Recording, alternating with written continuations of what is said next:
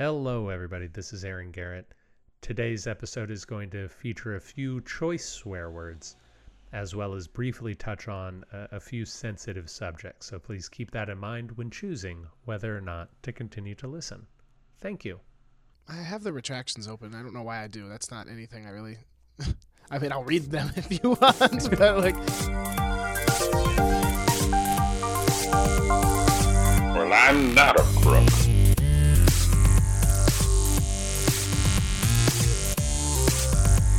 But because they are hard. Welcome to Presidential Deathmatch, the only presidential debates that matter. Today's headlines We are nothing if not geocachers, The Thinking Man's Murderer, and Dennis, we miss you, you're dead to us. Jacob Godbey joins us for a discussion on which leader would be best during the Robo-Apocalypse, Winfield Scott or Michael Dukakis. And for that, we use a Grant Greeley debate because who you're starting with isn't who you're ending with.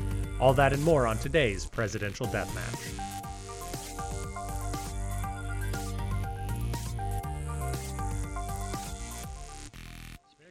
In which case we are now uh, uh, throwing ourselves off the the tree. We are little baby birds trying to fly uh, in our own relationship without the guiding force of Dennis Oh my god! it. How? What are we gonna do without the guiding light that is Dennis? I Dennis- honestly thought about coming on and just doing my Dennis voice the whole time. Uh, I was weighing whether I was going to ask you to start by doing the Dennis voice, and oh, then I thought it'd hey, be too Aaron, insult- what's up, man? Like it's just it's just presidential deathmatch, like it's always been. Hey, what's it's a little happening? rusty. I haven't seen Dennis in person in a while, but I when I lived in Austin, I had it spot on. Oh, there is uh, little that it appears that unites people besides impressions of Dennis. I don't know anyone that doesn't like Dennis. I, I think it would honestly be hard for me to do like a viewpoint exercise as Dennis because I just I don't have like a profound love or curiosity for the world like Dennis does. You know, he's like nice to people he doesn't know, and uh, He is. It's crazy. Yeah. I, I once was annoyed. Oh, you know what? The bid for this episode was supposed to be angry at Dennis. Uh, and according to this intro, and I, I don't know how this information got on the intro, but I'm Oh, a slave to it. Who wrote that? I'm Yeah. supposed to talk about how cool Jacob is and how uncool Dennis is. So I'm not going to say about how Dennis changed my viewpoint of, of audience interactions. And I'm still going to say, man, Jacob, you seem like a real cool guy today. Thanks. Yeah, thank you. I had fully vaccinated COVID and didn't get to leave my apartment for, you know, 10 full days. And I'm on day four of being out of the house again. And I had a good weekend because I was able to, you know, like hug my friends and, and, uh, and, and chat with folks again. uh, so I'm happy to be here. Uh, it's a great way to, to end the weekend. And Yeah, I'm, I'm Yeah. glad. I'm And glad I- you're feeling better. yeah, thank you. Uh, Thank you. It wasn't too bad. Um, but you know, I don't want to push any agendas, but uh, go get your boosters. I didn't have mine, and I got sick. So Well, there you go. If you don't get your booster, you will make Jacob Godbey get COVID again. it's true. Yeah, if you don't get it, I get sick. He gets sick. It's a I'm very in- twisted world Yeah. we live in. I'm an empath. Is is how that works. so I see someone has COVID, and I'm like, oh, now I have to have it. Oh, jeez, Louise. Jacob, we are uh, we are here. Dennis less. Yeah. um, what is without- specifically Dennis doing tonight that he couldn't be here? Is tonight Dennis- his marriage night? No, uh, tonight it could be his consummation night. I probably should have run that joke through the internal editor Sure. before Hey before Dennis, I did it. if you're out there consummating your marriage, congrats. Just picture Aaron and I giving you high fives afterwards. Pow, pow. And Carolyn, if Dennis sucks, I'm sorry. I'm sorry. You should have trained him better. That joke should have also been run through the Oof, internal editor. yeah. that is Uh, not your responsibility to train Dennis. Uh, however, let But it is know. in her best interest. It's in her best interest, but we can help too. If Dennis is bad, you know, That's true. We can That's we can send some materials his way. WikiHow has some great illustrations, and uh, Mm-hmm. As and, they always do. and I'm pretty sure that Dennis is literate. So He is very literate. Oh, Uh, He knows okay. a lot. He knows a lot about languages. Dennis is on his honeymoon uh, currently. Uh, where this honeymoon is taking place, off country. Ooh, Yeah, he is away from the continental United States. I believe he is still in a United States territory, okay, uh, but but I don't I don't actually remember. all right. Well, I wouldn't have expected Guam, but if that's what Dennis wants to do, then great. Yeah, Dennis is a wacky guy. You know, he wants all of the fun of the Australian time zone with none of the kangaroos. Yeah, yeah. Carolyn's like, "Where do you want to go?" And he's like, "Ah, let's go to Guam, babe."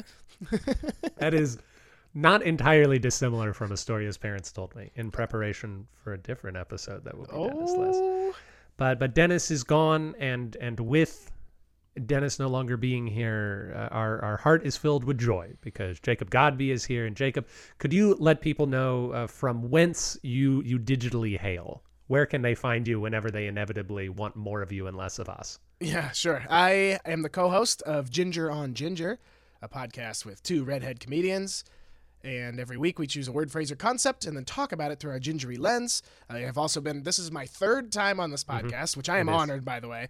And we recently had you and Dennis on our podcast to talk about aging out. Uh, what happens when you get too old to, to hang with the kids anymore. And I got to tell you, I went to a Christmas party this weekend. Yeah. And it was one of my friends who is roughly my age. She's like two years younger than me, but she works on campus. So Okay. all of her friends are like college age. And I was at this Christmas party and I was talking to this girl and you know, she started talking about her boyfriend back home, and I was like, uh, "What?" And she was, I was like, "How old are you?" And she was like, "I was born in 2002." And I was like, "Shut up!" I literally got up and just went to the bathroom. I was like, "Bye." Anyone born after 9/11, I just we don't relate. No, that's true. They they don't uh, they don't understand what we went through. Right, exactly. Yeah, when I was when I was uh, six years old when that happened, I Mm-hmm. yeah, Mm, yeah. So you're a fair bit younger than I am then too. a little bit, yeah. So so that aging out conversation hit. Uh, I thought I'm not going to say it's the best episode of your podcast because the one immediately previous to it was better, but I think it was a very good episode, and I was glad to be a part of it. I agree. There aren't a lot of episodes where I'm like, wow, I wish that was longer. But that one I legitimately wish was longer. I wish we I just kept it going because I felt like we had more to discuss. But um, we historically uh, are, are anything that pushes an hour in our podcast, people will drop off. no, no, I get it. Uh, I wish I had your discipline. Uh, we we ruthlessly cut. Although we've been talking, uh, this is the curse of you being interesting, Jacob. Is is I just want to live in this introduction for a while. I know, right? I was actually just going to explain how Alex and I have such brevity, and that's because Alex is in charge of picking the words, and we have some just legitimately like he picked green one week, and I was like, what am I going to say about the word green? And one week he picked silk, and I was like. I don't know if I can talk for a half hour about silk, but I'm sorry. We can move past the introduction. Yes. Uh, now, as part of your welcome packet to the presidential deathmatch host game, uh, you were sent a key to a lockbox in Missoula uh, that holds the retraction box. I assume you collected the retraction box. I did. Yeah, there was a fun little like geocaching element to it. I got my uh, GPS out and some coordinates. So good job with that. That was fun. Oh, thank you. Yeah. No, we uh, we are nothing if not proud to be geocachers, uh, but we're just gonna we're gonna open up the retraction box just a little bit, Okay. which is our little bit here, is making sounds for their retraction box. I gonna- didn't know that I needed to bring WD 40 with me. Next time, just let me know and I'll bring some. We uh, Houston is very humid, so all of our locks rust like that. It's Okay. crazy. Yeah. Okay. I mean, I don't know uh, if if you live in a swamp. No, Montana is legitimately like I don't have eczema, but I just use eczema lotion because it's that dry here. Oh wow. Yeah. God, it sounds like a dream. Yep. So last week we were talking about Bob Dole because Bob Dole died. Uh, Jacob, did Bob Dole make any sort of cultural impression on you in your life? he did not. Uh, His impression, I believe it was Dana Carvey on Saturday Night Live, referring to himself in the third person. Maybe it was Phil Hartman. I don't remember. It But was Norm Macdonald. Norm Macdonald saying, you know, referring to himself in the third person and playing Bob Dole is about the only cultural touchstone I have. Is is Bob Dole talking in the third person? That's really the only thing I know. That makes And- sense. I love this retraction though.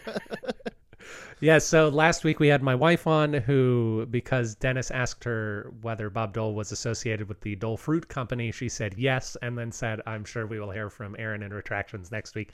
Indeed, you will. Bob Dole is not associated with the Dole Fruit Company, known for its pineapple juices and such. And uh, but but I thought it would be important to look into how Bob Dole made his money, Okay. because that's just good to keep tabs on. How are these politicians making money? Not legally. It depends. You know what? the thing about making laws is that they can often make scuzzy things legal. Right. So they're making they're making money legally, but in a way that makes you go, huh? Funny. Real real quick side jack, uh, Jacob. Something to make you angry about Congress if you're not already Please. angry about Oh yeah. Okay. Yeah. Yep. So in the in the wake of the financial crisis of 2008, when Mm-hmm. that lady you were talking to was six years old, in the wake of that financial crisis, they instituted the Congress instituted a number of reforms for Congress that said, hey, if you are a member of Congress, you have to disclose any stocks that you own, Oh, sure. any stocks that you buy, any stocks that you sell. You need It's to do it. Wild that it wasn't a thing before then. You are going to submit it, and it's going to go on a website immediately so that everybody can see. Beautiful. Everybody in the world can see. And they did this, and the crazy thing, Jacob, the really crazy thing, I don't know, this must be a coincidence. In the years following that announcement, for whatever reason, Congress people stopped making so much money off the stock market. It, Huh. it must it must have been a really rough time having to disclose everything that they did. I don't know. I don't know. Maybe they just didn't want to go through the paperwork. Anyway, around 2013, 2014, the entirety of Congress very quietly repealed all of those laws, Ah, okay. and President Obama signed signed it into Right. law. So he could buy stock. Yeah, and uh, now you, you still have to you still have to disclose it, but you have six months to do it, and you can go. You just have to go down to the Congress basement, like whisper it into a clerk's ear, yeah. and it goes into a paper file down in the basement. And suddenly, oh, Congress people are making so much money off the stock market again. I don't know. They should have a word for it. Yeah. Real, real inside stuff. But how did Bob Dole make his money? At the time of his death, he was estimated to be worth 40 million, Jesus. likely due to speaking engagements and product endorsements he did after losing the election of 1996. I don't know if you were aware of this. I was not. He he endorsed Viagra. Beautiful. I think more presidents should endorse. Like Biden should come out tomorrow and be like, "Back when I could still fuck." Sorry, I don't know if this is a cursing podcast. Not usually, but Okay. uh, but you know we're loose today. Dennis has left us, and We'd had this with it- problem last time that I was here too. Uh, I think it was uh, from your co-host though. that's true. It was. It's mostly Alex, but yeah, Biden needs to get up and, and be like, "I endorse the little blue pill." Uh, his wife, while his wife was a senator, she represented the state of North Carolina from 2003 to 2009. So while she was a senator in 2006, she disclosed that they were estimated between uh, worth no less than 14 million and no more than 50 million. And during the election of 1996, he disclosed that he was worth two and a half million dollars. So he somehow accrued 10 and uh, or 12 and a half million dollars over 10 years. Again, likely due to speaking engagements and endorsements. Elizabeth Dole, this was uh, during the 1996 campaign. Elizabeth Dole, his wife, uh, was making around $300,000 per year out of speaking fees. She was a former Secretary of Transportation in the Reagan administration, so she certainly was a she was a professional in her own right who would have been well sought after. But my favorite part of this retraction is Jessica swung the door open wide to get me to talk about Hawaii again. Jacob, we are slowly transitioning presidential deathmatch away from a presidential podcast and more to just a Hawaii focused podcast as Okay. we learn more and more about Hawaii. So the Dole Food Company was founded in 1901 by James Dole, who was the cousin of Sanford Dole. And you hmm. probably don't know who Sanford Dole is. Oh, yeah, I do. He was the president of Hawaii and the first territorial governor after annexation. Oh my gosh, that's so crazy. Do you know anything else about Sanford Dole? Well, listeners and I may remember him as the person who stripped a lot of rights out of Hawaii in order to curb unrest. Huh. Prior to that, he was elected representative from Hawaii and named to their Supreme Court. Crazy. Yeah. Yeah. Well, I'm glad that you had that information on hand. But Sanford Dole, uh, when when we read some of the quotes from the episode that I'm sure you remember, Jacob, Yeah. he said things like, "I don't think that we, uh, the president, should be popularly elected because I don't think that it'll give us the result that we want. So let's make sure that only certain people can vote in Hawaii." And things like, you know what, uh, there probably shouldn't be freedom of the press in Hawaii because they may print things that are critical of me. So let's let's not Yeah. have that. He was a real stand-up guy. That's classic Sanford behavior. I don't know anyone named Sanford that does like good things for the world. No, there's always someone with a particularly coiffed hair. I Yeah. feel. Although yeah. he has a crazy beard. If you look up a picture of old Sanford Doyle, I. Dole, I mean. Uh, and I had some more stuff, uh, Hawaii-related stuff, but we will skip that for now. In what is becoming a a regular part of this podcast, we're doing some uh, Jacob, as you as you know, now that you've researched some, we are exploring presidential losers this season. Yeah. And these are people who are not as well known as your Chester A. Arthurs, your Franklin Pierces, your Millard Fillmores, the all of these household names that we've grown up. And, Actually, legitimately, there are presidential losers that I know better than anyone that you just named. that is true. But uh, but we are doing a little bit of catch up on Okay. on some of these people. So last week Dennis talked about Thomas Dewey, and he referred to him as a progressive Republican. Now I'm not sure that Thomas Dewey himself ever called himself a progressive Republican, and I don't know if I would call him progressive, although he did uh, try to ally himself with the uh, with the past of Theodore Roosevelt, and Theodore Roosevelt was a progressive Republican. What we generally call progressive back then is someone who well same same as progressive nowadays someone who thought that government should be more involved in your daily life and i don't know if thomas dewey's policies exactly lined up with that idea that being said he was a very liberal republican though and he was aligned with what we would uh, later call the eastern establishment uh, and uh, even later than that be called a Rockefeller Republican after Nelson Rockefeller. Uh, Jacob, do you happen to know anything about Nelson Rockefeller? I don't actually. So Nelson Rockefeller was vice president of the United States, Gerald Ford's vice president. And when Gerald Ford was running for re-election, he replaced Nelson Rockefeller on the ticket with who else but Bob Dole, our old dead Oh. friend Bob Dole. Nelson Rockefeller, kind of a handsome guy. Yeah, Nelson Rockefeller, you know, they breed him right up in New York. Yeah. Uh, you know, I'm not sure I know anybody from upstate New York, but if I did, I'm sure he'd be a very handsome fellow. So Thomas Dewey was a liberal Republican. He's someone who generally thought that, uh, sort of like Dennis talked about last week, a certain amount of social spending, poverty, bridges, roads, etc., would help uh, would help invigorate the economy, and that's where he thought uh, he was not a laissez-faire guy like, say, Calvin Coolidge was, but he was interested in uh, like a Richard Nixon type. He was interested in some government spending. It's still fascinating to to see anyone who self-identified as Republican uh, align themselves with uh, any sort of like labor union. It just shows, uh, you know, the party has always carried, uh, not always, but had Parties some beliefs. Yeah, parties shift, and uh, it's amazing the shift that's taken place in the last uh, 25, eh, 30, 30 years, whatever Reagan was president, I think, is when that shift became apparent, right? That so that's when that shift became solidified. That is when the conservatives lopped off the heads of the liberal wing of the Republican Party and There you go. and Okay. said we are here now. And actually Thomas Dewey was part of the penultimate generation of that fight. So instead of Reagan, the guy in Thomas Dewey's time was a man named Robert Taft and he was the leader of the conservative wing and the son of former president Billy Taft. And during his lifetime, Thomas Dewey and the liberal wing of the Republican Party was generally ascendant. They were the successful ones, partly because they lived in highly uh, electoral uh, rich districts, such as New York. So Thomas Dewey chose not to run in 1952 uh, for president, even though he had been the nominee the previous two election cycles. But he did manage to get Dwight Eisenhower and Richard Nixon el- elected over Robert Taft. One of the funny things about uh, this election, uh, this election of 1952, Robert Taft has tried to run for president the last three or four times. He's never been nominated.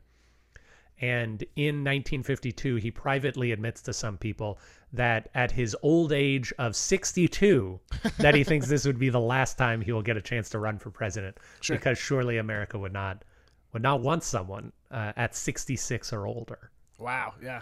Yeah. Well, you know how far medical technology has come since then. You know, it's not going to be long before we have a president over hundred. Gosh, I I can't wait for that day myself. the mental fluidity that that comes from age, I Oh, think just think really of the experience too. You know, the, Yeah. the and and how easily able people over 100 are able to access their memories and Exactly. wealth of experience. Exactly. They it's like a Rolodex. They just the Rolodex is maybe the most apt comparison you could have uh, come up with. So, Although the conservative wing of the Republican Party has been dominant since the 1980 election of Ronald Reagan, there are a few liberal Republicans or semi-liberal Republicans or like Mitt Romney, Republicans. I guess. I don't know. Yeah, Mitt Romney. Mitt Romney would be one, but uh, also the governors Charlie Baker of Massachusetts, Larry Hogan of Maryland, and Phil Scott of Vermont are all Okay. uh, moderate Republicans who enjoy success in otherwise Democratic-leaning states. Gotcha. Yeah. I wanted to start a new segment, and since Dennis isn't here to veto it, I think it's a good time. And that statement is How did Thomas Dewey run the first modern campaign, or how did any of these candidates run the first modern campaign? Because that's another running joke on this program is that anytime you read about someone's presidential campaign, the historian invariably says it was the first modern campaign. Right, right. How but how far back does that go? it, it goes back literally to John Adams and Thomas Jefferson in 1796. Mm-hmm. So, how did Thomas Dewey run the first modern campaign? So, given his extreme confidence in winning, and everybody thought Thomas Dewey was going to beat Harry Truman, which is why we have that newspaper headline. oh He, yeah. Uh, given his extreme confidence, he negotiated and was given intelligence briefings throughout the campaign, and he already had a transition plan and a transition team in place so that when he was elected in November, he would be able to easily slip into the role come January, and they wouldn't. Could have you to try spin imagine in this year, earlier this year, if, if that was a thing, if, if intelligence briefings swell. were, oh my God. I remember reading specifically that there was no transition plan or team. Well, uh, what what happened was there was no transition coordination. There was a transition plan, there was a transition team, but the other side of the coin was not Sure. yeah. assisting in that. Oh, I wonder which side. Uh, and although Thomas Dewey was mocked for his hubris at this time, these aspects have become part of our regular campaigns during more normal times. Certainly, Barack Obama gave Donald Trump uh, daily intelligence briefings. It's it's a thing that comes in once you're nominated. Once you're a major nominee, you start receiving at least weekly intelligence briefings, gotcha. um, just so you sort of know what's going on. Another little bit of historical trivia on Thomas Dewey. He remains the only two-time loser on the for the Republican Party. He was nominated twice. He lost twice. The only other person to be renominated after losing was Richard Nixon, who won in 1968 after his initial loss in 1960. And then Jacob, I spoke about Aaron Burr last week, and we did not explore much of Aaron Burr's uh, later and and uh, frankly quite exciting life. After the vice presidency, Burr went out west to try and rebuild his fortune, which had uh, lapsed during this time. The the vice presidency and a lot of the cabinet positions didn't make a whole lot of money, so it was sort of a, a prestige thing. And even then, you didn't get a whole lot of prestige. So he went out west and he tried to rebuild his fortune by assuming that Spain was going to attack America. And so Huh. he hired Okay. a whole bunch of mercenaries to just camp out in a small plot of land in the west and assumed as soon as Spain crops up, we will attack Spain and we will somehow make money through that. It was From a that, yeah. it was a convoluted like uh take some land, sell some things, ransom people, like capture officers, ransom people. But he was basically playing the stock market but with war. And uh, the war never occurred. Uh, they managed Right, to which is usually a pretty good bet. Like that's a you have to make a pretty bad call to be wrong about America going to war with someone. Well, uh, somebody negotiated a treaty, unfortunately, and, and really screwed Aaron Burr over. Someone told Thomas Jefferson that Aaron Burr was doing this because remember, uh, Jefferson really hates Burr, and Burr is no longer the vice president. And so Burr was brought up on charges of treason for conspiracy of war because uh, we have a thing you may have heard about this in early 2016 called the Flynn Act. That's from the 1920s, but it basically says that if you're an American citizen, you can't conduct diplomacy on behalf of the American government. Oh, that's not named after Michael Flynn. It is not, but it is okay. funny. Uh, so there was secret communication between Aaron Burr and Mexico that he wanted to help Mexico attack Spain so that hmm. Mexico could become independent. And then he assumed that he would be able to establish a political dynasty in Mexico and thus again be able to rebuild his fortune. Okay. But the star witness in this treason case admitted that he forged a letter, the like damning piece of evidence that he forged the letter because he lost Burr's original letter. So he said, "Yes, this isn't the original letter. I wrote Wow. this, Wow. but this is what he sent me." Wow. and Burr was eventually acquitted. This was, uh, at the time, seen as a very big deal for separation of powers because you had the executive, Thomas Jefferson, who really wanted Burr found guilty, but the judiciary was the one conducting the fact finding and doing the courts. And ultimately, the courts found that Burr was not liable for treason, that the evidence did not stack up against it, even in the face of executive uh, might trying to push it over. So Sure. it's always nice to see that we've had executives trying to flex their muscle and push push judges around, and that judges, generally speaking, don't don't like that. It's true. Yeah. He was acquitted of treason, which I think is another point of my favor. We were talking about wedding planners last week, Jacob, and Yep. uh, Thomas Dewey was never acquitted of treason. Aaron Burr was acquitted of treason, and I know I'd feel more comfortable with a wedding planner who was acquitted of treason Who- who instead had of been- someone who I don't know. Yeah, I don't he'd know. been accused of it, but he didn't do it. yeah, exactly. okay. Aaron Burr eventually uh, flees to Europe to escape his creditors because he has no money left. Beautiful. and uh, be, because he knew he wouldn't have a political career left in America after he killed a man while vice president, and then was accused of treason. Did he shoot someone on Fifth Avenue? No, no, Weehawken, New Jersey. Oh, okay. You not hear about it? There's a whole musical. No, see, that was going to be my joke at the end of all of this. Was wow, Hamilton Two is going to be quite the ride. Mm-hmm. He was uh, he lived in England and he became friends with Jeremy Bentham. Do you know the name Jeremy Bentham at all? Th- that sounds very familiar, but I don't know. So- I think it's a, a reference to my favorite porn star, Jeremy Bentham. Mm, so close. Uh, this is a utilitarian philosopher, which is is very similar to porn stars.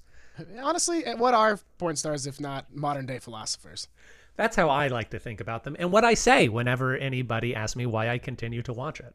Yeah, exactly. What what are they not modern philosophers? So Jerry good. Bentham is a famous philosopher who's established a lot of uh, a lot of the ways we think about the world nowadays. But my favorite thing about Jerry B. Bentham is that he helped found a college in London, uh, and so he he ordered that his body be preserved and that he his corpse be placed into every board meeting. Nah, nope, Yes. nope. Yes. Not, ah, man, this the the spinoff uh, Bend It Like Bentham is going to be so strange. Is, do they still do it? Is the college still going? Is his Yeah, yeah. course No, no, still his- in every board? Yes. Really? Absolutely. Yes. Huh. Yeah, okay. look it up. All right. Aaron Burr eventually returns to America, but takes the surname Edwards, his mother's surname, in order to continue to evade his creditors. And he had a successful, if modest, law practice the rest of his life. However, in the waning years of his life, he marries a rich widow named Eliza Jumel, who is about 19 years younger than him. He, we suppose that he marries her because she has a ton of money, and she marries him because he has a lot of social capital. However, they divorced after only four months of marriage because it was she discovered that he was losing massive amounts of money speculating on land, and she retained Alexander Hamilton Jr. as her divorce attorney. Wow. What Yeah. a what a smack in the face. I know. I I wish we had record of what he thought when he saw that. No kidding. Can I? I want to just follow up with uh, Jeremy Bentham's body is on display at UCL. Uh, it's it's uh, a wax head, but the skeleton under the clothes is real.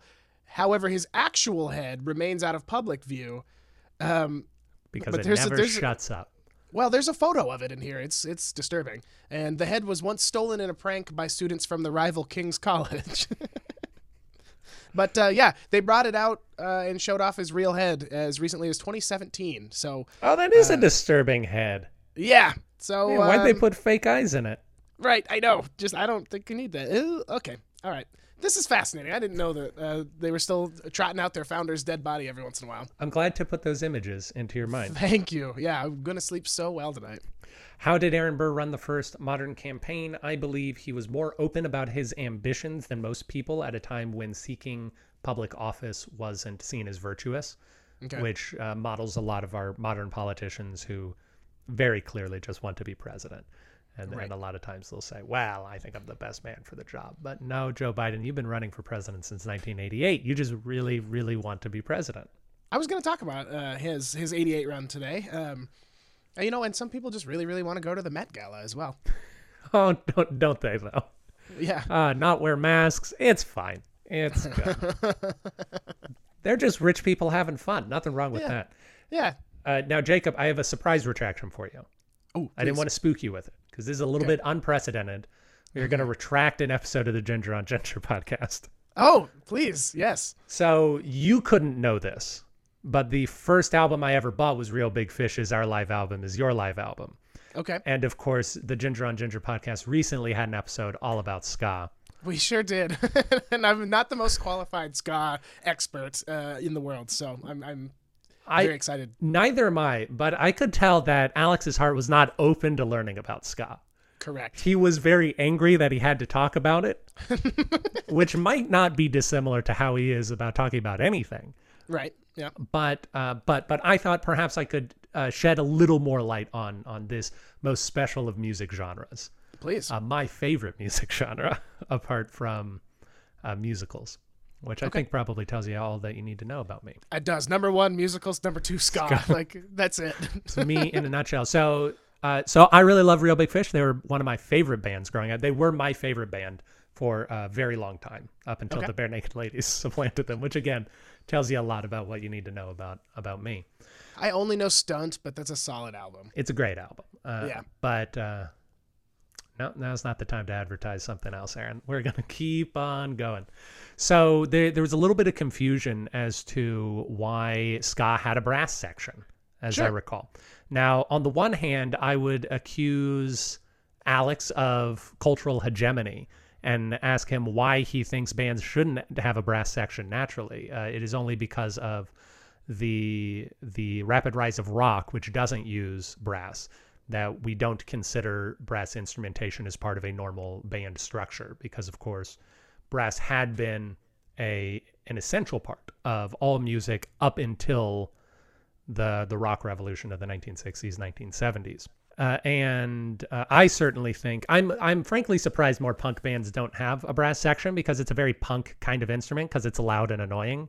It is, yeah. It's it's shrill, like a lot of punk singers' voices, and like a lot of punk guitar tones. Indeed. Now I assume that it's because you can't look cool playing a trumpet. I disagree. All right. You think you can look cool, or you don't think that's not why? No, I, I don't think that's why. I think you can look cool, but I don't think that the type of people that usually play punk music can look cool playing trumpet. Fair. We're talking like Dizzy Gillespie looks cool playing trumpet. you know? Yeah, you're right. I, I it, certainly I think it could be said that uh, that that perhaps punk musicians are are low on musical ability and high on energy, Yes. Yeah. and and brass certainly takes a high level of technical competency.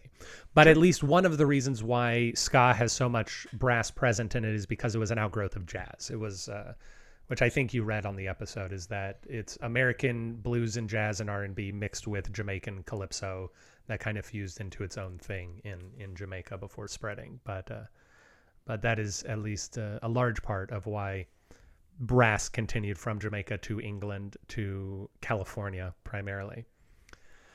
And then and then I believe you also spoke about Streetlight Manifesto and you Yeah. said that they did not have a hit, which is true, but I think it's important to note that they one of their big releases was the re-release of Keasbey Nights. Great album. Yeah. Oh, that's the that's the version I listened to when I listened to Keasbey Nights is the I didn't even know that his original band had released a version of that album, but you know, that's I think very interesting and doesn't get done very often where someone's like, "Hey, you know what? I think my current band can do these songs better." it just costs a lot of money and I think that there isn't a lot of upside to it because you still have Yeah. to pay the old band, I think.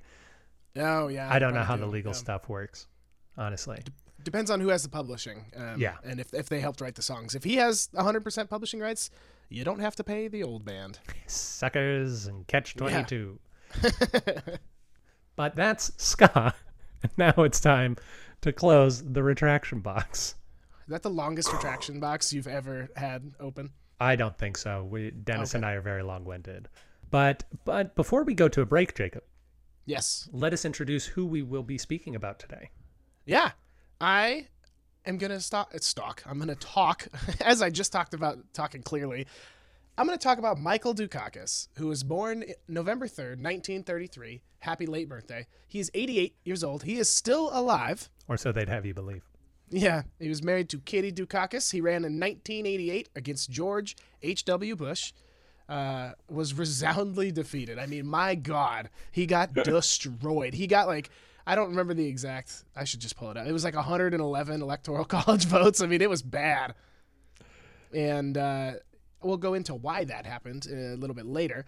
But uh, he ran for president because he was an incredibly effective governor of Massachusetts. He was elected once. People didn't uh, like him as much his first term, but then the guy after him did such a bad job that he was then reelected twice, two times in a row, and was uh, oh man, it's um, I don't remember where I wrote it down. The National uh, like Governors Association uh, voted him like the most effective governor of I want to say 1986 1986. Yeah, there it is. The National Governors Association elected him the most effective governor of 1986. I got it right. Um, but yeah, he he is. Uh, people started referring to him as a technocrat, which we'll get into as well. But uh, yeah, so so he was an effective governor. He also was in the Massachusetts House of Representatives, and yeah, then he ran for president in 1988. Got his butt kicked. He also, and this is these are just some fun facts. A little new segment I thought I'd bring to the show. Uh, this is just don't like about the fun. 19. We don't the like fun 19 here. Sorry. Go ahead. This is just about the 1988 Democratic primary, Some things I found interesting. It included Joe Biden, current president, and a senator named Paul Simon, but not the musician named Paul Simon. Um, David Duke also ran in 1988 and received 47,047 votes. Uh, Good showing for David Duke. Yeah, Everyone, And, look uh, him up if you don't know his name off the top of your head. yeah. And Dukakis is only the second Greek American governor in American history after Spiro Agnew. Oh, Sp- I guess I've never wondered where the name Spiro or the name Agnew came from. No, me neither. But it comes from the land of olives, and I mean the vegetable. That was a weird thing to say. Okay. Uh, I I don't know off the top of my head, so I'm sorry for bringing this up i- in any Sure. way. HBO, one of the early original HBO shows, TV shows they ever did in like 1989 or 1990, was a fictionalized account of the 1988 Democratic primary race. Whoa. Okay. and they were basically talking about how they disliked that Michael Dukakis was picked uh, instead of Gary Hart, who was a much more progressive person. I believe I believe it was Gary Hart at the time. Yes, he was the front runner for the 1988 Democratic uh, Yeah. presidential nomination until he dropped out amid revelations of extramarital affairs. Hmm. So that's how much has changed between uh, 1988 know. and 2016. Also, 1988 and 1996. True. Good point. Yeah. Even But, you know. 1998 and 1992, because Bill Clinton was getting some Paula Jones stuff up in. Oh my God. We we just keep electing winners, you know. Hey, you're right. Well, I'm talking about a winner today in more ways than one because I am arguing for the supremacy of Winfield Scott, hmm. who was alive from 1786 to 1866. He ran against Franklin Pierce in the election of 1852, although he had sought the Whig nomination twice previous, losing to both Henry Clay and Zachary Taylor. Man, I forgot about Whigs. W H I G. Never forget about Whigs. Winfield Scott was the last Whig to be nominated to run for president. They would not put up a candidate in 1856. Generally speaking, Winfield Scott was seen as a very popular military person. He was a soldier. Uh, he is, in fact, the longest serving head of the United States Army. And Okay. he is, at the time, he was the second person to get the rank of lieutenant general after George Washington. George Washington had it and they sort of retired his rank. And then in 1855, I believe, they said, no, Winfield Scott has been serving for 30, 40 years now. He should also get lieutenant general. So he was, Yeah, I probably earned it. people call him one of the best military minds that America's ever had, who was hampered by the fact that he didn't have a great war to fight. oh, bummer. Yeah, he could have killed so many more people. He is, in fact, uh, he developed the Anaconda Plan. So he died early on in the Civil War, but he was still the head of the army at the beginning of the Civil War, and he developed the plan that would go on to be used in order to Oh, win yeah. this Civil War. That's also one of my favorite uh, Jeremy Bentham films. Yeah, the Anaconda. the Plan. Anaconda Plan. Ah, I love that scene. Yeah. You know the one I'm talking about. Oh, oh, I know. So at the time, the political parties were trying to avoid the issue of slavery. And so they were trying to nominate a lot of very popular. That's wild because they still try to avoid that I know. issue today. It's one of those things America just doesn't like to talk about. I don't know why, you know, clear the air. yeah. But Winfield Scott was a pretty vocal uh, person against slavery. And so that is why he did not Good. get the nomination a couple of times, is because they said, ooh, ah, this guy seems a bit divisive. Yeah. Okay.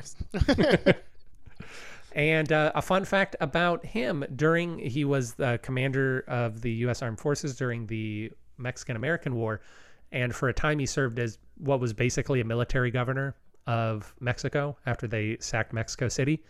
And apparently he his rule there was so quote unquote humane that a group of Mexican delegates came and just asked him if he wanted to be dictator.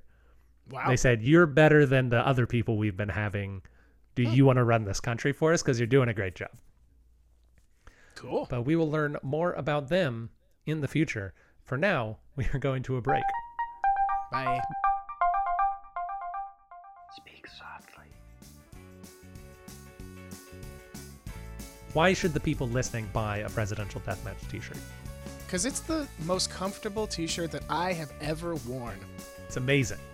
I've also I've worn it out in public, and people have asked me about it. It's that nice of a design. You know, they're like, "What is that?" And I was like, "I honestly don't remember." So then we Googled it together, and it was like, "Oh yeah, Oh. it's a podcast that I was on two episodes of, soon to be three. This was a very recent occurrence. You're telling me this shirt wasn't just stylish back in August of 2021 when we premiered it.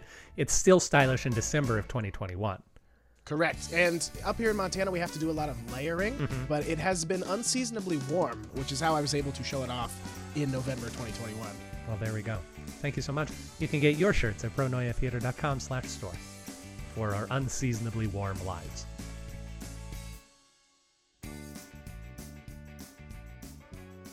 Jacob, thank you for uh, sitting in silence with me and quiet Yeah. contemplation of the debate to come.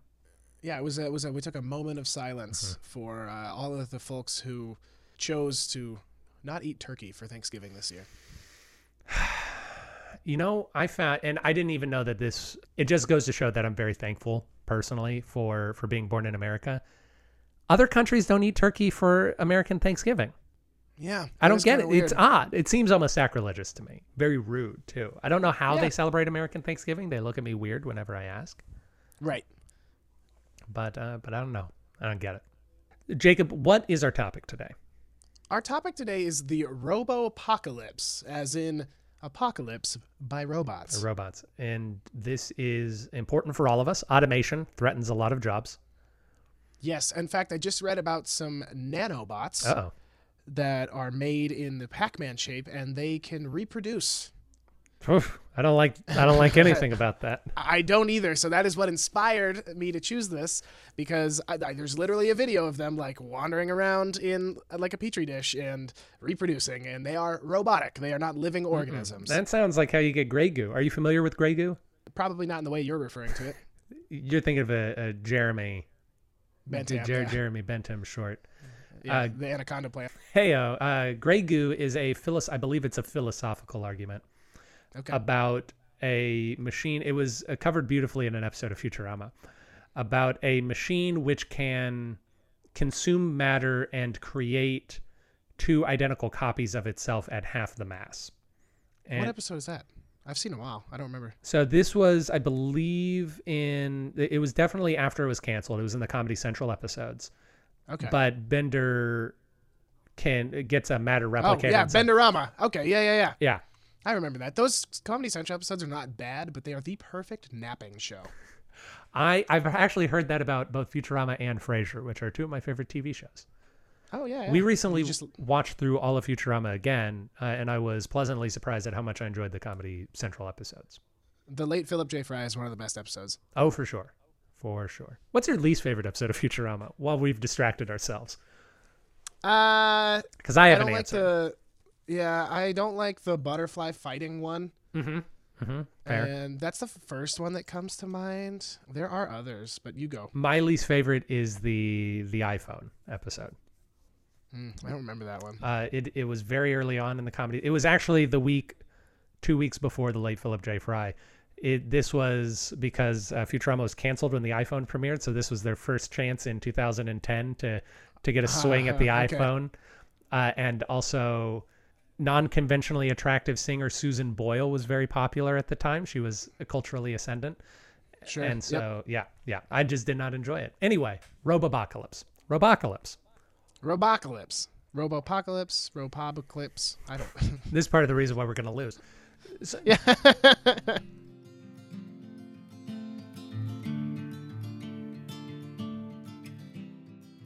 What was once thought to be an isolated skirmish in the godless territories of Silicon Valley, the robopocalypse became a full blown catastrophe and spread across the world by the summer of 2412. Battles were fought, lives were lost, and although many names were etched in the stones of history Buzzy Bryant, The Gen, Dead Man Tony, among others all of America and all of the world asked where were our leaders to save us? Where were our Winfield Scotts? Where were our Michael Dukakases?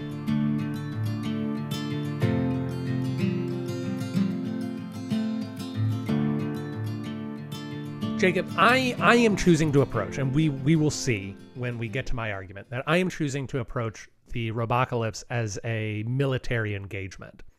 But I think that there is is plenty of evidence to suggest uh, no, no one knows exactly the origins of the 2412. Right. That's kind of what I was wondering is is are these robots that we have made are these extraterrestrial robots? Uh-oh. I think I think a more you know realistic situation is is that AI just kind of gets out of our control, Mm-hmm. and then yeah, I, I I like your idea as a military engagement. I'm coming at it from a slightly different way. Of course, Um, naturally. Less more that the robots would kill all humans, but more that they would like enslave all humans and give the human race a different purpose than being the alpha of the planet. Right. Absolutely. Now I am this this robocalypse is not happening for a very long time. 2412. That's when it that's when it starts, I believe. Yeah. So the future history books tell us. Because currently the the articulation on robots is not quite there. I don't we don't have any all-purpose robots in the way we have Right. all-purpose people. Yes. But it would be very dumb to assume that we couldn't figure that out. No, yeah, it's true. Most robots at this point are made with a with a specific task to be done. Do you personally have any uh, fears of the future? Yeah, I'm pretty concerned about the metaverse right now, to be honest with you. Um, I not that I mean, I know what it is, but I don't know why everyone's talking about it all of a sudden. Well, Facebook has rebranded to Meta, Right. And they I knew are that. just creating basically like a digital space to be in. It's not even augmented reality, it's just a fully virtual reality space. Like they're doing things that uh, no one asked for. You know, his his big example, Zuckerberg's big example was like giving yourself an avatar to sit in a meeting as you and represent you. But like what's wrong with just doing a Zoom call where your face represents yourself? Like I I, I don't personally understand it and I, I just think that if the metaverse becomes too attractive, people will spend more time in it than out of it, and uh, you know nothing will get done in the real world, uh, at least by people who can afford to spend time in the metaverse. I, I, don't mean to to assail your your fears right now, but I'm gonna I'm gonna ask. This isn't a thing that exists. It's a thing that they have announced that they're going to make, right? I it is not rolled out to consumers yet, I don't believe, but yes, there are working like uh, you know there are working samples. Yeah, and- yeah. Because there's, there's certainly plenty of examples of technology that never quite made it to market, even if it was promising. Yeah, I'm and I'm also less worried about robots themselves than I am like privacy issues. You know what I mean? Like I don't really care that a robot can conduct a surgery you know, while a doctor 100 miles away controls it. I'm more concerned that someone can hack that robot, fillet your guts and then the doctor gets like sued for malpractice or whatever. I don't know. Like So that's not exactly privacy, more security. Because because Security, because I would say yeah. privacy is is another important thing. Who can see your data? Who can get your data? Yes, exactly. And and you know that could be part of the robo apocalypse as well mm-hmm. is that they would harvest data perhaps, you know, if you're using like a phone that might be their you know a, ro- a robot's cousin or something and know everything about you so that even when what's your candidate's name? Winfield Winfield Scott. Scott. So even when Winfield is is coming up with these like grand military plans, I'm concerned that they would be one step ahead of him Mm-hmm. because someone has their phone in their pocket while he's laying out the plan. So what we need is a Bill Adama right now. Someone so intense. Are you familiar with that reference at all? no, I've never heard of that in my life. he is the captain of the Battlestar Galactica. okay. and he uh, in in the television show in the 2004 version of the television show he is a person who did not like networked computers so he refused to have any networked computers on board any of his He's ships a dark web guy. yeah Probably owns swords too. i don't i don't know if that ever showed up he, he definitely liked his guns Okay. it's concerning do you think that ai it can be human or personal do you think that there there is uh, sentient concerns with it? Do you think that, or are you familiar with the uh, classic 2004 film I Robot? starring. I am. I'm also familiar with the film AI. Hmm, see, I am not familiar with the film AI, uh, Steven Spielberg and Stanley Kubrick film, if I'm not mistaken. Correct. Yeah. So I don't know what concerns it has. That's a very Pinocchio story, isn't it? Yeah, yeah, pretty much. Uh, yeah, with a real bummer of an ending. I, I think that AI will never truly become sentient just because it is not an organic creation.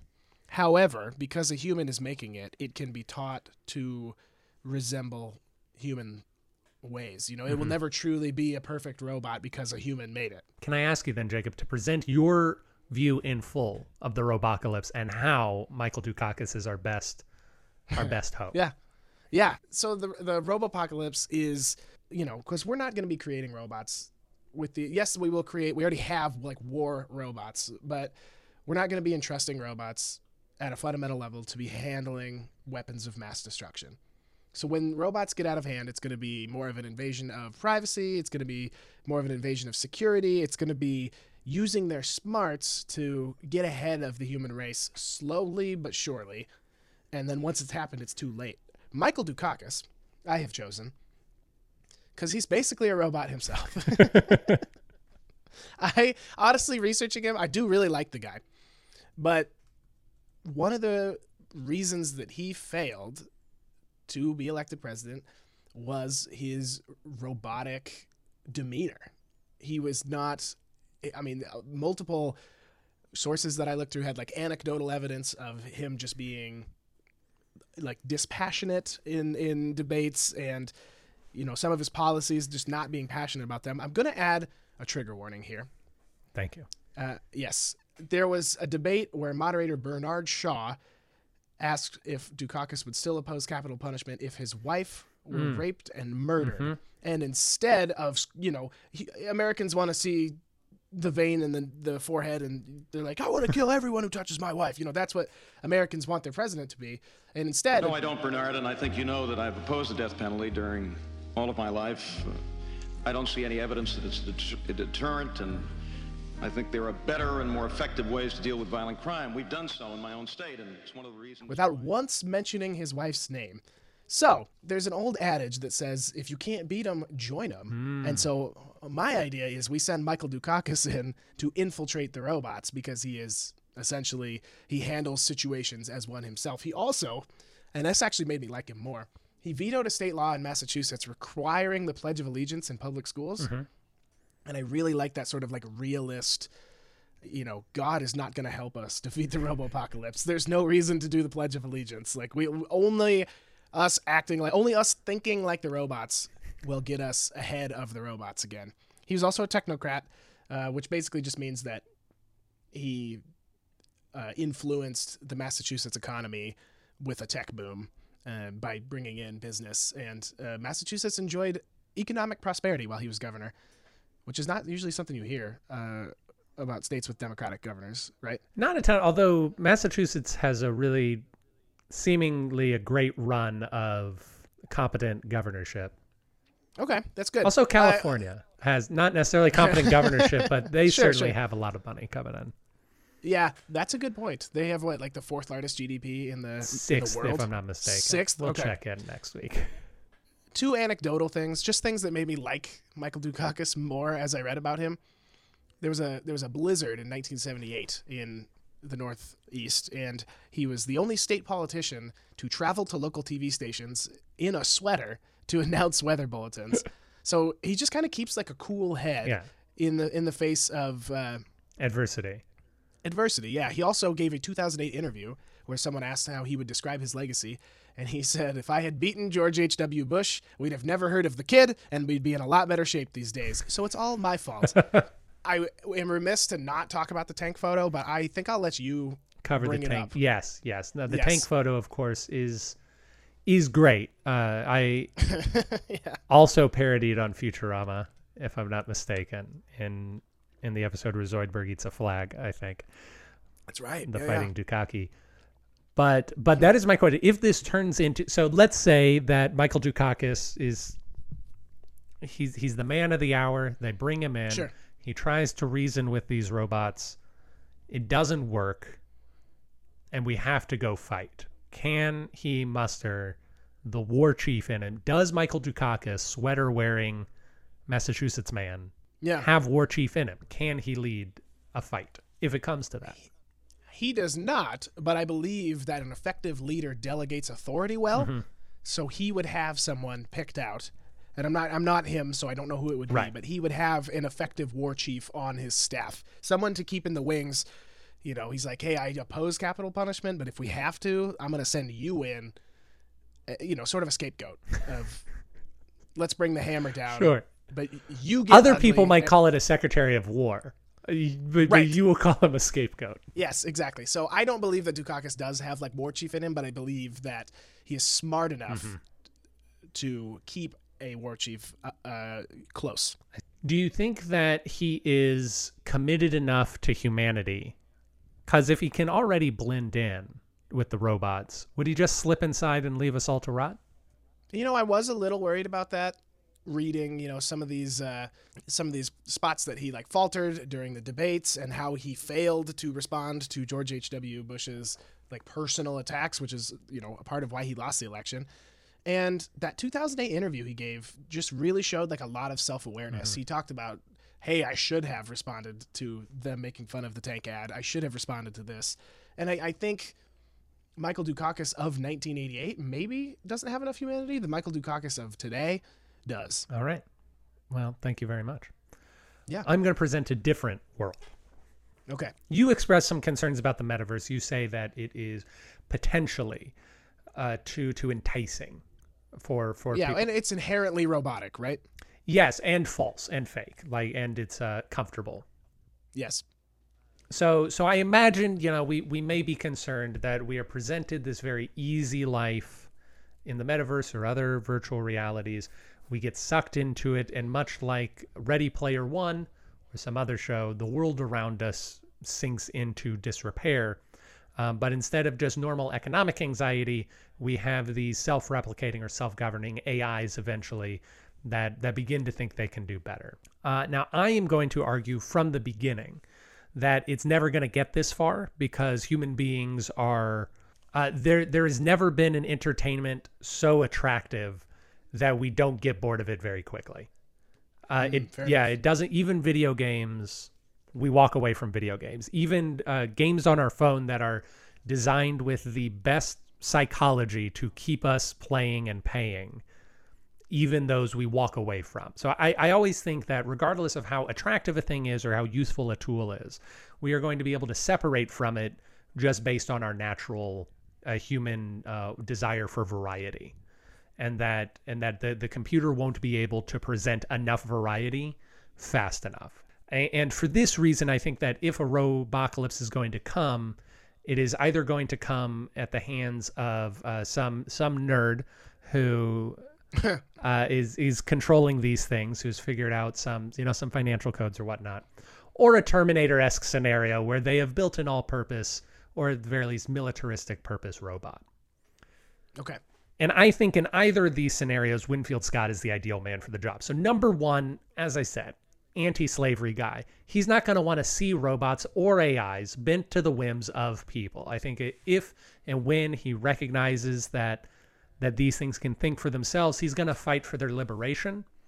And much like the video game Detroit Become Human, we will uh, we will just find a new society, a society where we coexist or we negotiate some things, and and we avert true disaster uh, through through the compassion in the heart of Winfield Scott. Now, assuming that doesn't happen, assuming he can't turn America away from it's, and I say America, but I really mean humanity, around our desire to enslave and destroy all that which is around us.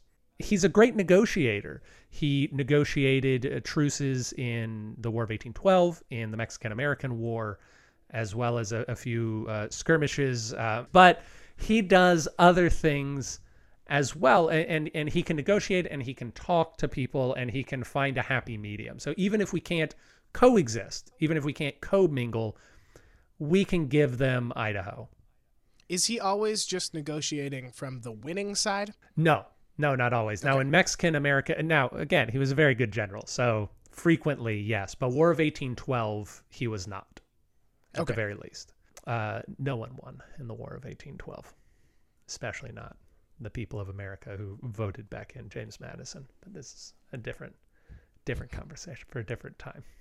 Sure. He's an excellent negotiator and he has a head for fairness and a reputation for fairness. So even if we can't commingle, I think we can give them a segment of the world that they can live in, much like the Cylons of Battlestar Galactica, which eventually turned out fine. There was some bumps in the road. Now, even if that fails and we end up with militaristic action, uh, either through uh, bipedal or mobile robots or something else that we're not even familiar with yet, uh, his military genius and thirst for curiosity. He he's a guy that even after the War of 1812, he went to Europe to keep studying military formations, to to help uh, grow his education. He has this, uh, in the same way that Dennis looks at the world with curiosity, Winfield Scott looks at the world with curiosity at how it might be destroyed and how he can use terrain to his advantage. And like I said, he the the Anaconda plan, which was the plan that he used in the Civil War uh, or that he supposed in the Civil War, it was not merely a militaristic one. It was not one that said we're going to attack this place and take it, and attack this place and take it, and attack this place and take it. It was more of we're going to set up a naval blockade here that's going to block these ports, and we're going to set up another pin here that is going to restrict access on the Mississippi River. It showed not not a desire for direct conflict, but a way to think about the weaknesses of his enemy and how he can turn their frailties against them. And I believe that with enough time, he could come up with a way to to take a robot's weakness and turn it against it. Okay. Uh, and so I believe at any step, Winfield Scott is the right man to avert disaster. But if it comes down to it, he can kick some ass. Okay. Fair enough. Fair enough. I you know, you asked some very good questions after I went, and I don't really have any for you. You are definitely more well read than I am. And uh, yeah, I don't know enough about Winfield Scott to to be able to discredit you. Yeah, that is fair. Well, do you have any questions about general military strategy? I could try that, or or uh, anything that just anything that you want to know about Mr. Scott. I think you did. I'm not. I'm trying to. Not, I'm not trying to give you points here, but one of my questions was going to be does he just throw humans at the robots in an effort but then you talked about how you know using terrain blocking Yeah, ports and and and see i think winfield scott would be a great Secretary of War work Michael Dukakis. exactly Yeah. under michael dukakis because he, you know winfield scott sounds like a thinking a thinking man's general Yeah. it's not he, he despite being involved in some wars uh it doesn't sound like a warmonger and I, and neither is dukakis i don't i don't no, think no. Dukakis. man, wouldn't that be crazy if in in the heart of Dukakis just beat a he's war like drum? burn everything yeah He said, "Operation Desert Storm didn't happen soon enough, George." Yeah. Yeah, Dukakis, an interesting thing about him too, he commuted a lot of sentences, and in one case, it bit him because that person then went to Maryland and murdered somebody. That's another thing that came up in the debate. Yes, that was, if I Uh, remember correctly, that wasn't a commuted sentence. That was like um, a furlough. He let the guy out early, but I could be wrong. Either way, it was a I thing he did. Yeah, it was a furlough. He he had vetoed a bill that would have stopped furloughs for his uh, first degree murderers, and then that program resulted in the release of convicted murderer Willie Horton, there we who went to Maryland. He did not com- he did not murder someone in Maryland, uh, but you know another trigger warning. It was it was a similar. hmm hmm Yeah. yeah, and poor, per- again- potentially poor judgment, but at the same time, I want I want more clemency. Right, exactly. It's hard to, you know, it's easy to point at like one example of that and be like, this is why we shouldn't do that for anyone. But it's just as easy to point at the other side and be like, well, maybe we just shouldn't do the opposite. you know, like I don't know. I'm, I'm a huge advocate for reformation. Yeah.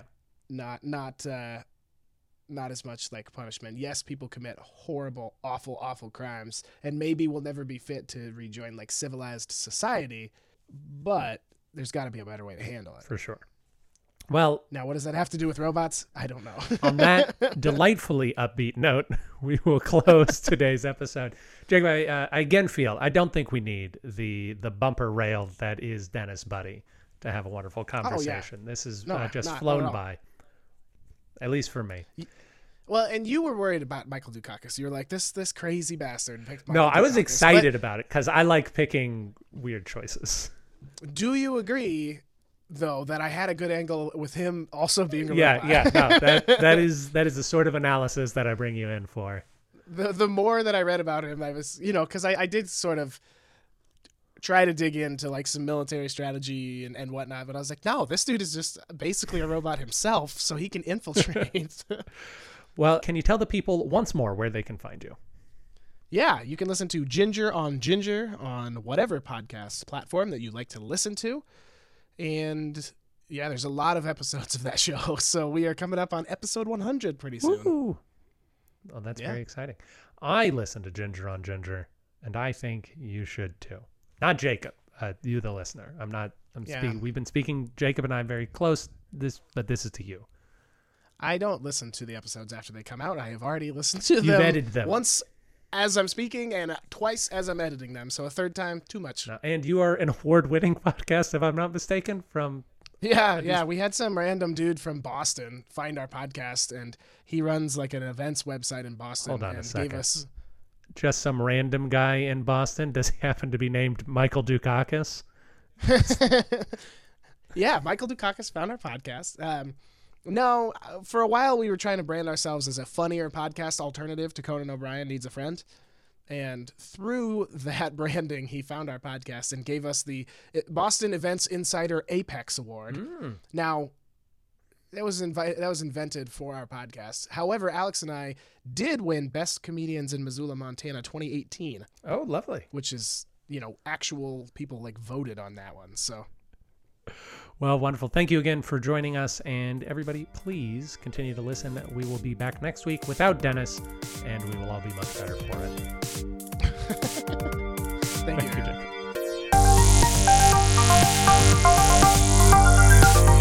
Thank you for listening to Presidential Deathmatch. Presidential Deathmatch is a production of Pronoia Theater. You can find more out about us at pronoiatheater.com. This program was edited by Aaron Garrett with music by Dennis Buddy and hosted by those same two lovable goofballs. You can always email us at contact at pronoiatheater.com. If you enjoyed the program, we ask that you rate and review wherever it is you found us. It really helps us out. And if you didn't like the program, why don't you stick around? We really grow on you.